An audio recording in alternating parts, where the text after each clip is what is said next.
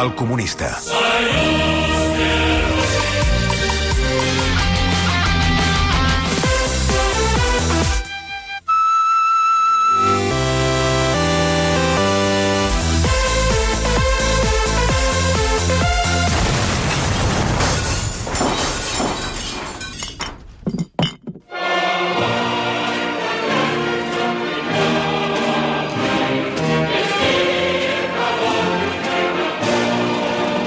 Camarada Joel Díaz, bon dia i bona hora. Bon dia, guapo. La festa d'ahir va ser la festa del capitalisme o del romanticisme? Uh, bueno, és que l'amor romàntic és un negoci. Ja som. Roger. L'amor és un negoci, eh? L'amor romàntic és un negoci, sí. I tu ets, Ahir- una, tu ets una víctima d'aquest negoci, també? Ahir era la festa de la por. De la por. A veure, Jo- explica'm això. és la meva teoria. Doncs explica-me-la, El perquè m'interessa. el que mou el negoci del Sant Jordi és la por a que la teva parella s'enfadi perquè no li has regalat el llibre o la rosa. I llavors això és el que ens mou a comprar aquelles merdes de roses que venen o llibres que no, la teva parella no es llegirà en la vida. Quan vas gastar ahir una rosa o no la vas trobar? Mm, És, és, una, és una pregunta que no, no vull respondre. Això d'avui a Perquè Barcelona ha estat la malament. fusió perfecta entre tradició i subnormalitat. Un tuit que va fer el Joel Sí. Díaz, m'ima- m'imagino que el feies perquè es, van, es, l'hem es van esgotar l'hem les fet des roses. del nostre compte, des del nostre compte. La gent que portem al compte, Joel Díaz. A que no ets tu sol? Som un equip de persones. Ah, no ho sabia, això. A, a, no, vull saber quan et vas gastar, perquè a mi em van prendre el pèl. 10 euros! 10 euros. 10 putos euros! Hòstia! Per una rosa. Ah. Un tio comunista com tu. No, sóc comunista, però també també vull que la meva parella doncs, sigui feliç i si la puta rosa la fa feliç, doncs s'ha de comprar la rosa, tio. Ella, o sigui, tu tenies por que si no li entregaves la rosa de 10 euros... S'enfadés. I Sí, per- sí. I, i és Ah, sí, que ets és una, així. ets una eh, víctima del sistema. Sóc una víctima. Però no és l'amor, és la por. És la por. Obrim un Berkami. Ahir hi havia, hi havia unes cues a, a les floristeries Sí, sí, no. sí, de no. persones que, Que- que no feien cara d'amor, feien cara de por. De dir, hòstia, què passarà si jo arribo a casa ara sense una rosa? Això és por, Saps tio. que m'està agradant molt, aquesta teoria? On, és on és l'amor, no tens? Vas tenir recompensa per això després o no? És a No, dir, la, no, no, si jo el Sant Jordi, entès com un dia d'amor, ja, ja, ja, el vaig, ja el vaig tenir fet a, a mig matí, que, que vaig tenir l'oportunitat de fer una mica de coit. Ah, sí? Sí. Ja tot l'altre ja va ser tradició absurda. Jo em pensava que em anaves a dir que per tu Sant Jordi són els 365 dies l'any. Que va, el Sant Jordi és una collonada, ja en parlarem. Bé, això és el comunista a les consultes. La primera ens la fa un oient que assegura que és empresari i també president d'una important entitat esportiva. No ens diu el nom sencer, simplement hem rebut un missatge on signa amb Florentino P. Punt. Bé. Ah, bueno. Ens ha enviat una nota de veu que diu així. Ver, mire usted. Muy buenos días, don Joel. Es un placer para mí dirigirme a usted y se lo digo con total sinceridad. ¿eh? Mire, el propósito de mi llamada es sencillamente ponerle al corriente tanto a usted como a su parroquia de oyentes de un proyecto que considero prácticamente comunista, pues cuenta entre sus propósitos el control de los medios de producción y la redistribución de la riqueza. Vamos, que no soy Vladimir Lenin, pero casi. Casi. ¿eh? A este proyecto vamos a llamarlo, pongamos por caso, Superliga. Superliga. ¿eh? Es que el consumo del fútbol, don Joel, ha cambiado, mire usted. Hoy en día los jóvenes tienen menos interés por el fútbol, ¿eh? Verdad. Y hay que ir a por ellos. Sí, sí. Hay que ir a por ellos ofreciendo un buen producto a cambio de absorber su riqueza para redistribuirla colectivamente entre, bueno, entre nosotros los Pues tan noble empresa resulta que no ha sido comprendida por la UEFA y demás organismos Opa, federativos, ¿eh? opa. amén de clubes modestos, jugadores y legiones de autoproclamados fans más tontos que girar el cuadrado del Tetris. ¿eh? Esa gente, don Joel, cree que el fútbol es de ellos. Claro que sí, guapi. Guapi. Y mi dinero es tuyo. Venga, hombre. Entonces, lo que le estoy aquí denunciando, don Joel, Uy. es, mire usted, la Sí. opresión a la que nos someten UEFA, FIFA, Tebas y demás casta, no dejándonos otra opción que la lucha de clases. ¿eh? Clases del mismo nivel, pero lucha de clases al fin y al cabo. No mai, això, tu. Sí. No me quiero extender más, Gracias. ¿eh? solamente añadir. Un fantasma recorre Europa, ¿eh? el fantasma de la Superliga. Entonces, mi pregunta sería, ¿me ha entendido? Sí, ¿Verdad, don Joel? Sí. Me imagino que estará usted de nuestro lado, Sí, camarada, ¿eh? Sí, y nos brindará apoyo público. Muchas gracias. Notes curtes, sisplau, eh? Arroba el suplement, suplement, sí. arroba catradio.cat. Això és el que ens deia aquest senyor que és el Florentino P. Endavant. Florentino P. Uh, camarada Florentino P, lamento que et trobis en aquesta situació tan penosa i encara més que s'hi trobi també el teu camarada Joan Laporta, interpretant en aquesta història el paper d'una mena de Sancho Panza ridículament subjugat que a sobre ara sembla que s'ha tornat mut. Dit això, aplaudeixo el teu intent de fer-me passar bou per bèstia grossa, però deixa'm dir-te que no cola. L'únic que voleu tu i el teu Sancho Panza a la porta és liberalitzar encara més el negoci del futbol per rascar una mica més de beneficis per poder competir amb els grans clubs estat i Societat Anònima d'Europa. Dit això, coincideixo amb tu en que em trobar molt ingènua i ridícula la resposta dels aficionats que ara de cop es rebel·len contra aquesta iniciativa teva com si el futbol d'elit no portés ja moltíssimes dècades, convertit en un negoci en el que els aficionats no són més que simples consumidors, convertits a més en soldats i militants de la marca comercial que defensen. I si això ja resulta ridícul, estimat Florentino P, el que ja és delirant, convindràs amb mi, és escoltar gent com Pep Guardiola criticant la teva iniciativa en base a una suposada pèrdua de l'essència de l'esport i la competició. Guardiola, eh? El mateix Guardiola que entrena un club de Manchester comprat pels Emirats Àrabs Units demanant esportivitat El Guardiola no me'l toquis, eh, Joel? A l'esport. El mateix Guardiola... Guardiola no me'l toquis, eh, Joel? Espera, no. No el- t'atreveixis, eh? El mateix que es va forrar fent d'ambaixador blanquejador de la, directura, de la dictadura Alça-la. de Qatar. A veure si t'hauré de tallar el micro. Però si és que és veritat, home. És que, és que hi ha una hipocresia aquí que, bueno, en fi. Uh, Florentino, P, a mi ja tant se me'n fot. Jo només vull seguir veient jugar al Messi fins que es retiri i després em faré soci del Sant Andreu o de l'Europa o del Martinenc. Ah, que tu ets Guardioliver, també. Ets un soldat de Guardiola. No es pot ser cap altra cosa. Ah, no? No. Home, jo, no, doncs jo crec que sí, jo crec que sí. Passa que, clar, està una mica enganyats, aquest senyor. No, tu el que passa és que et fa ràbia que pixi colònia. no, no a mi el que em fa ràbia és que es fes, fes, fos, de- fes ambaixador d'una dictadura perquè li donguessin un mundial de futbol Això no li en un dius a la lloc que cara. s'està a 50 graus a l'ombra a l'estiu Això no i han t'atreveixes mort a dir-li a la cara. 6.500 obrers. Perquè els obrers allà, immigrants, no tenen drets. Tu portaves preparat, això? Home, Suplement arroba catradio.cat si voleu enviar les consultes del nostre comunista, el Joel Díaz, o notes de veu al 667 07 16 11.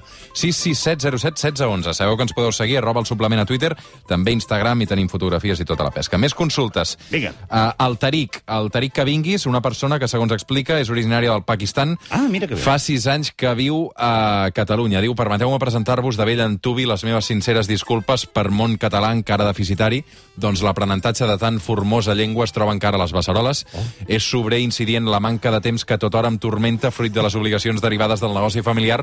Puigcara i Adés requereix de ma presència. No gens menys, la flama de l'aprenentatge de la vella, vella llengua catalana es manté viva a més entranyes. les entranyes. Bé, queda fet aquesta accepta. Tariq, gràcies. Uh, només faltaria. Trobo que tens un català més que correcte. Bueno, ja m'agradaria a mi. El Tariq que vinguis, que continua. Diu, benvingut, Joel. Quan feia poques setmanes que m'havia instal·lat a Barcelona procedent de Peshawar, eh, vaig obrir un comerç de venda de queviures 24 hores al Ah, dia. molt Era el típic paqui que a causa de la seva mida reduïda vaig eh, batejar amb el nom de Paqui Rin. Ah, que amb el terme obert el Paqui Rin 2, Paqui Rin 3, i amb la pandèmia també el Paqui Rin Takeaway and Delivery. Realment Ah. m'està anant molt bé la cosa. La pregunta és, l'altre dia vaig sentir a la ràdio dos famosos cuiners catalans que asseguraven que, tot i ser d'esquerra, si visquessin a Oh! Madrid, votarien Ayuso. Oh! Encara no he acabat de desxifrar del tot la mentalitat de la gent d'aquest país, però es pot ser comunista, per exemple, i votar un partit que no sigui gens o que fins i tot absolutament oposat al que penses? No, clar que no. Em sembla estrany. Gràcies, Joel. Estàs convidat al Paqui Ring quan vulguis. Vinga. Crec que es refereix al Jordi Cruz i al Carles Avellan, Sí, que van dir al programa del Cuní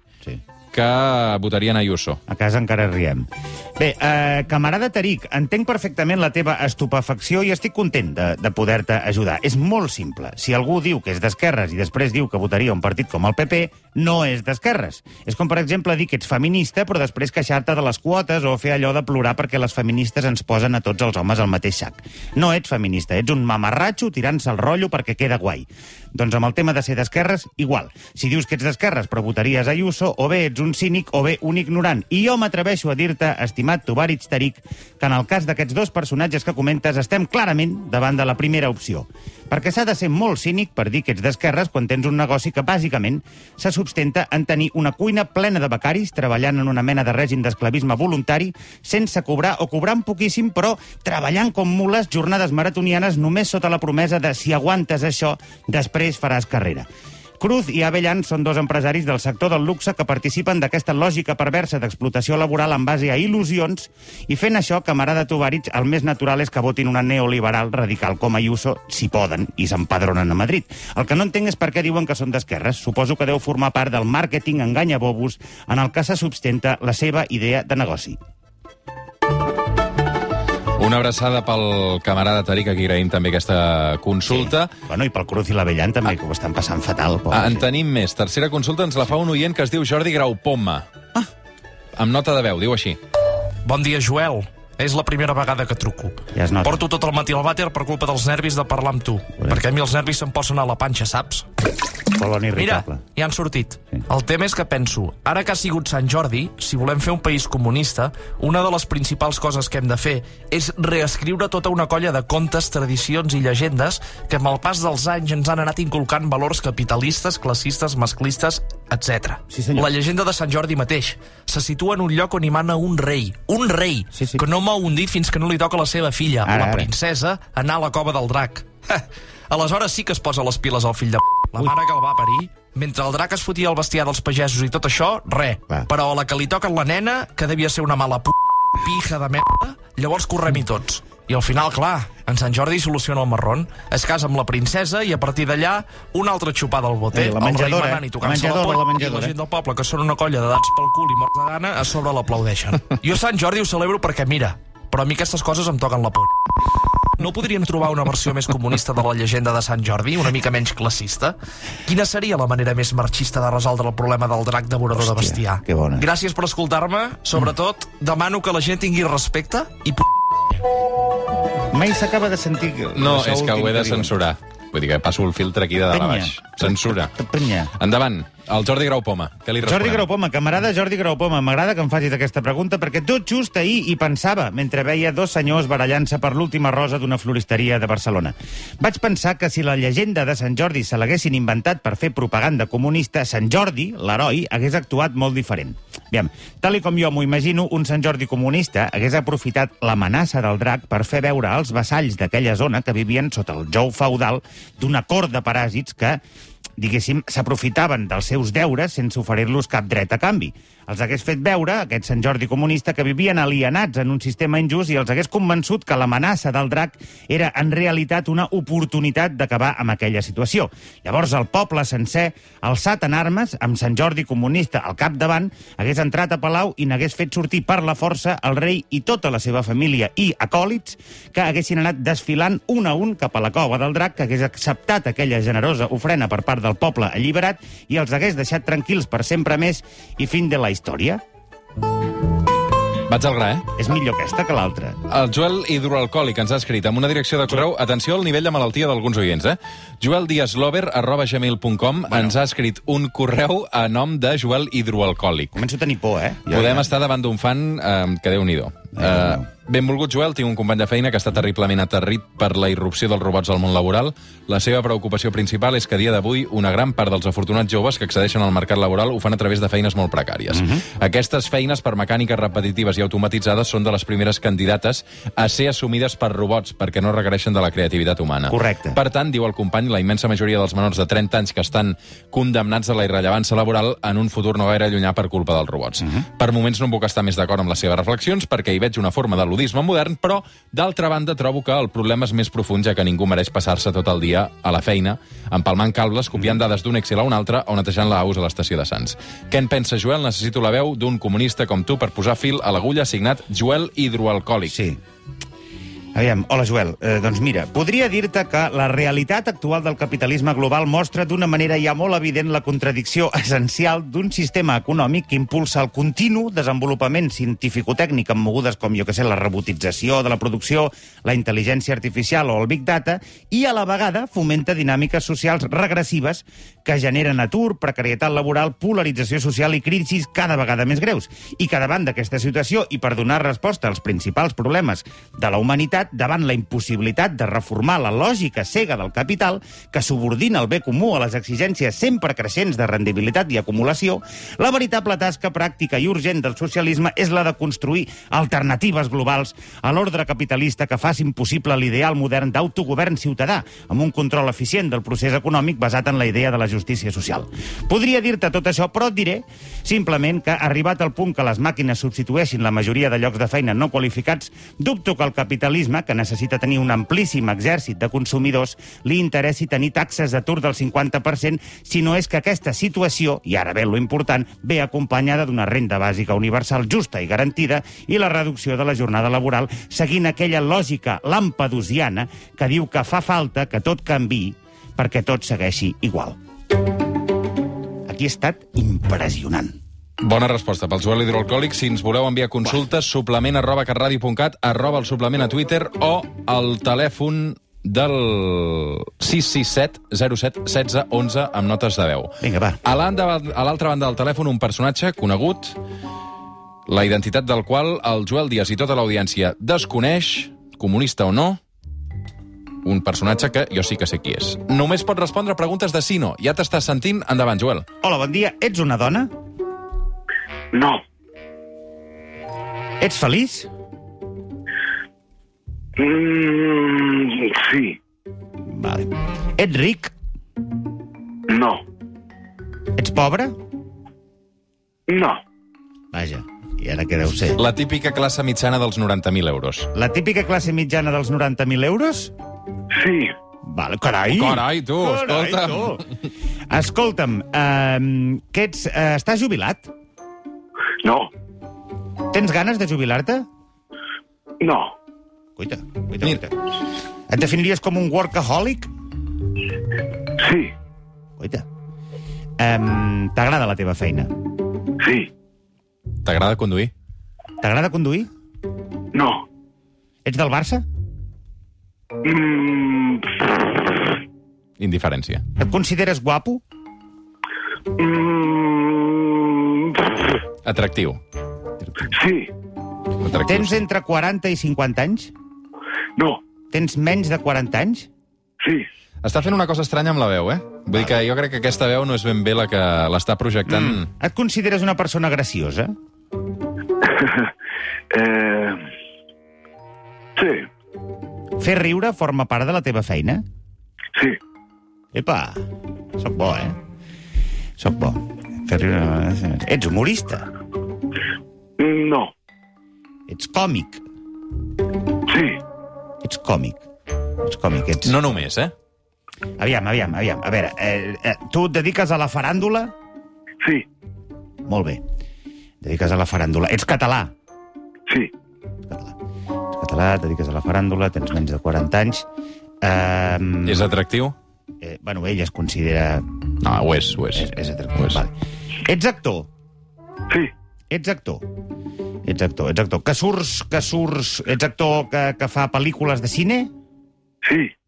Fas pel·lícules de cine. Fas pel·lícules de cine, fas pel·lícules de cine. Um, que ens coneixem? Sí.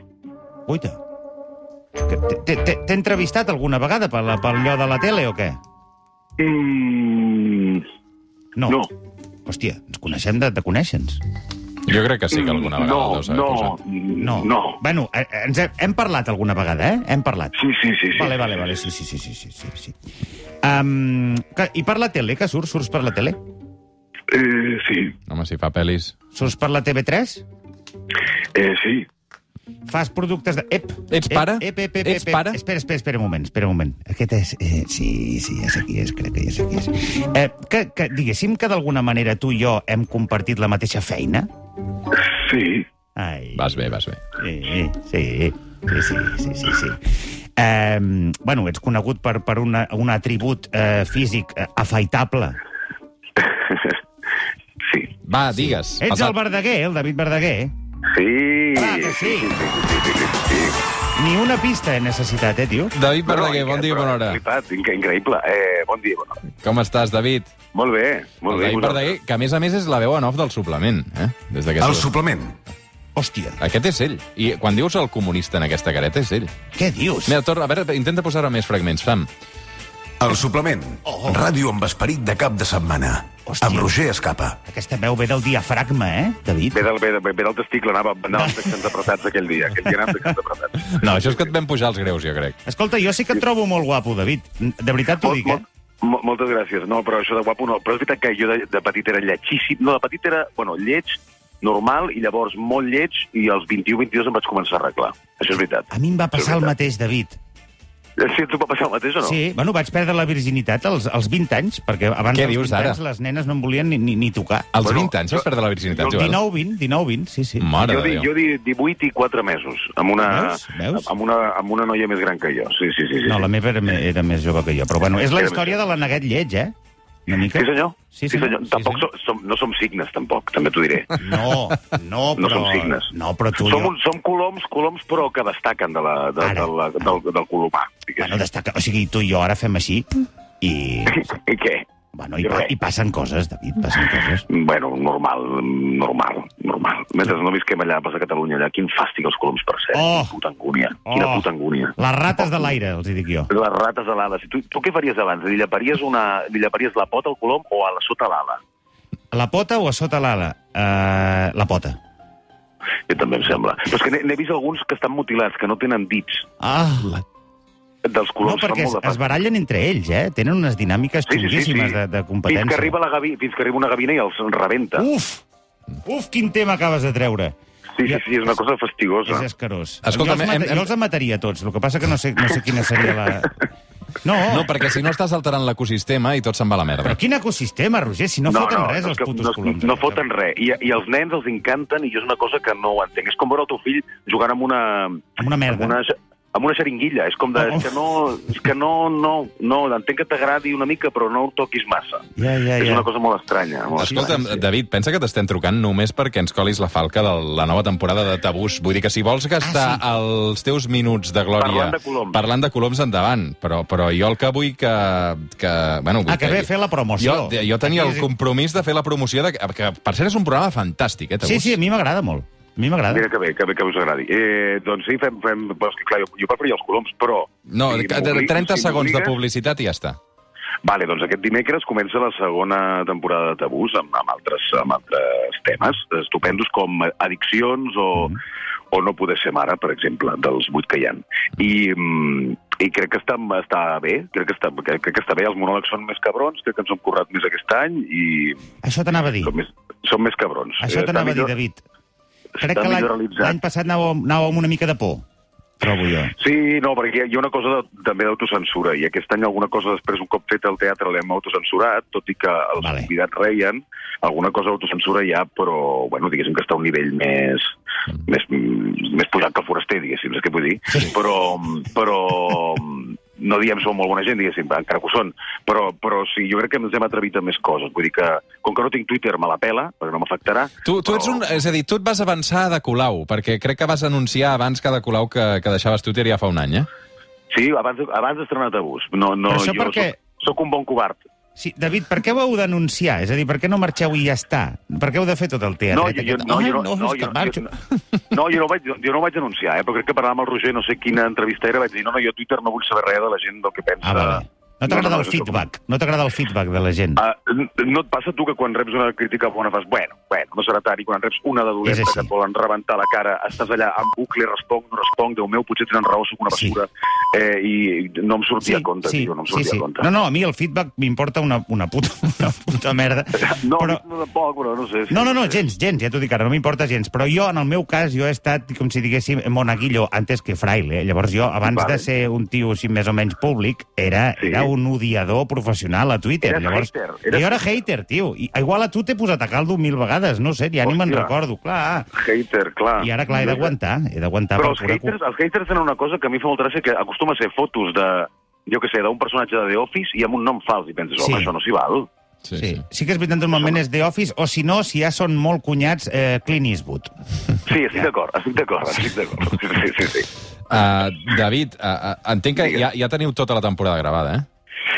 Sí, la vam gravar ja fa, fa temps i, de fet, hem hagut de treure algun acudit perquè havia caducat. Eh, si vols et dic l'acudit que hem hagut de treure. Sí, Sí, home, i tant. feia un acudit on me'n reia de que Mario Casas no tenia Goya. Ah, lol. I no, no només el té, sinó que me'l va prendre, diguéssim, me'l va guanyar.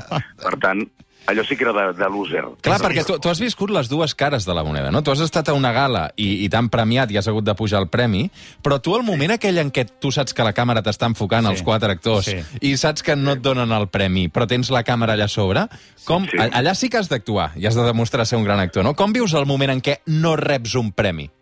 Doncs, eh, doncs normal, perquè el normal és no rebre premis. El reps com, com un dilluns al matí, diguéssim. No, no, normal, no rep, el, el reps normal i a, a vegades ho entens i a vegades no. Jo aquest cop Home. ho he entès, eh? Ho he entès, Sí? ho he entès. Però tu que li han donat al Mario Casas? Però és que el Mario Casas, cuidao, eh? A part Ah? de que... a- a- Jo crec que el tio... Té un coach molt pres- bo.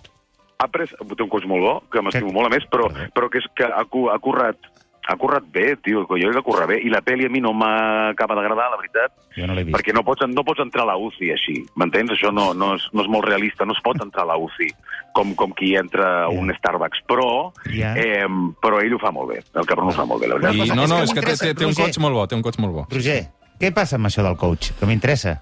No, que és una figura que... Què és això d'un coach? No, que és, és una figura... Això el David ens ho explicarà millor, que, que els actors tenen per, per treure el millor de tu, no, Bueno, David? És una persona que t'ajuda. Alguns actors, jo no tinc, jo no tinc coach, jo no tinc Tu coach. no tens coach. Ets el Jo teu no propi coach? Jo, sí, sí, sí, sí. No, jo no tinc coach, però hi ha actors que et necessiten, bueno, necessiten qualificar el coach i, i, i t'ajuden, clar, evidentment, t'ajuden, sí. Igual que hi ha un ajudant de càmera, doncs hi ha un ajudant... És un tio, bàsicament, Que que... te- et motiva. Jo és que tinc la teoria que els autors són gent amb molt d'ego i molt poca autoestima. I aquesta combinació Els és- actors. És, és letal, sí, saps? Sí. Estic, estic, estic molt d'acord amb això. Clar, Per i això llavors el que necessites és algú al costat que tot el rato t'estigui dient que sí, home, que ho estàs fent molt bé, vinga. No? És, una mica... Hi ha, hi ha alguns presentadors de ràdio que també ens aniria bé, això, eh? Vull Sí. dir que... També, et diria bé un coach. Vols que et fot- foti un coach o què? Bueno, no ho sé, però que també a vegades eh, també tenim aquest síndrome que necessitem l'aplaudiment constant. Sí, que... però, bueno, Sí, sí, sobretot tu, sí. Roger. Sí, sí, sí, vull dir que són bastant insuportables. Sí, Sí, sí, sí, sí, sí, és veritat, eh, Roger, tu, no t'ho volia dir, però ara que surt el tema, veritat, t'ho dic, eh? Sí, sí. Busca't un coach, eh, per favor, t'ho demano. Bueno, escolta'm, uh, deixa'm, uh, a veure, posa'm un separador d'aquests del David que ens va gravar a l'estiu. Sóc el David Verdaguer i em paguen per ser la veu del Dominical. Poc. Em paguen poc. Espero l'ingrés, per cert. Bé. Has cobrat o no?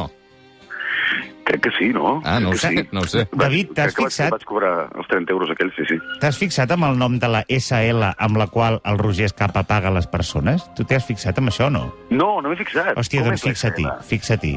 Fi... Vale, no, fixaré. no, no puc dir ara perquè No ara me'l clar, no dir. vindrà un Clar, inspector d'Hisenda, però fixa-t'hi, és Clar, molt clar, divertit. clar, no pots, no pots dir-ho. Vale, ja ho, bus- ja ho buscaré, ho És buscaré. ridícul, és un nom penós, ridícul, lamentable. Bé, uh, um, David Verdaguer, ho hem de deixar aquí i a més també pagaré el micròfon al Joel Díaz perquè ja n'he tingut prou per avui. Vaja. Uh, amb què estàs? Amb quines mogudes estàs ara, David? Doncs fem bolos de, del mètode Gronholm, una obra de teatre que no s'ha fet mai, i apostem per la nova dramatúrgia, i després, eh, doncs res, eh, fem una cosa, si tot va bé, al setembre a la Villa Roel, una obra de teatre que està molt bé, un tio anglès, i que aquesta sí que és del 2015, diguéssim, que no s'ha fet aquí, i poca cosa més, la veritat és que poca cosa més. Alguna cosa de pel·li, però pel 2022, si tot va bé, i, i ja està. David, ens alegrem de saludar-te. Cuida't molt, una abraçada. Una abraçada gran per tots. Adéu, David. Adéu, guapos. Adéu, adéu. I moltes gràcies també al Joel Díaz, el comunista, una setmana més. Ja ho sabeu, arroba el suplement, suplement arroba catradio.cat i també el telèfon per deixar les notes de veu al 66707 1611. Mm -hmm. Tu entenc que va arreglar Rosa, però va arreglar llibre, també. Sí, Ah, Sí, sí. perquè Rosa i prou no s'hi val. no, no, no, jo, jo... I, bueno, la rosa és el complement del llibre. No, I tu també et van regalar una rosa? No, Veus això? això em sap greu. A mi també em sap greu. No, a mi m'agraden les flors. A mi també. M'agraden les flors. Bé, gràcies, Joel. Digue-li a la gent que, que també, que a part d'enviar consultes, que m'enviï flors. Doncs envieu flors a Diagonal 614. Flors. No, M'agraden molt les farà, això. margarites. Doncs Diagonal 614, Sisplau. un pom de margarites de cara Sí. a dissabte que ve. El Joel Díaz la, la vindrà a buscar. Gràcies. Gràcies, Joel. Fem una petita pausa i de seguida el suplement... Mira, parlem dels 35 anys que es compleixen de l'explosió a Txernòbil. Hòstia, amb un periodista que ha visitat la central nuclear, el Lluís Caelles, que Home, ja és aquí, company de TV3, amb una feina extraordinària que ha fet i que tinc moltes ganes que ens vingui a explicar. Fem una pausa i ara tornem.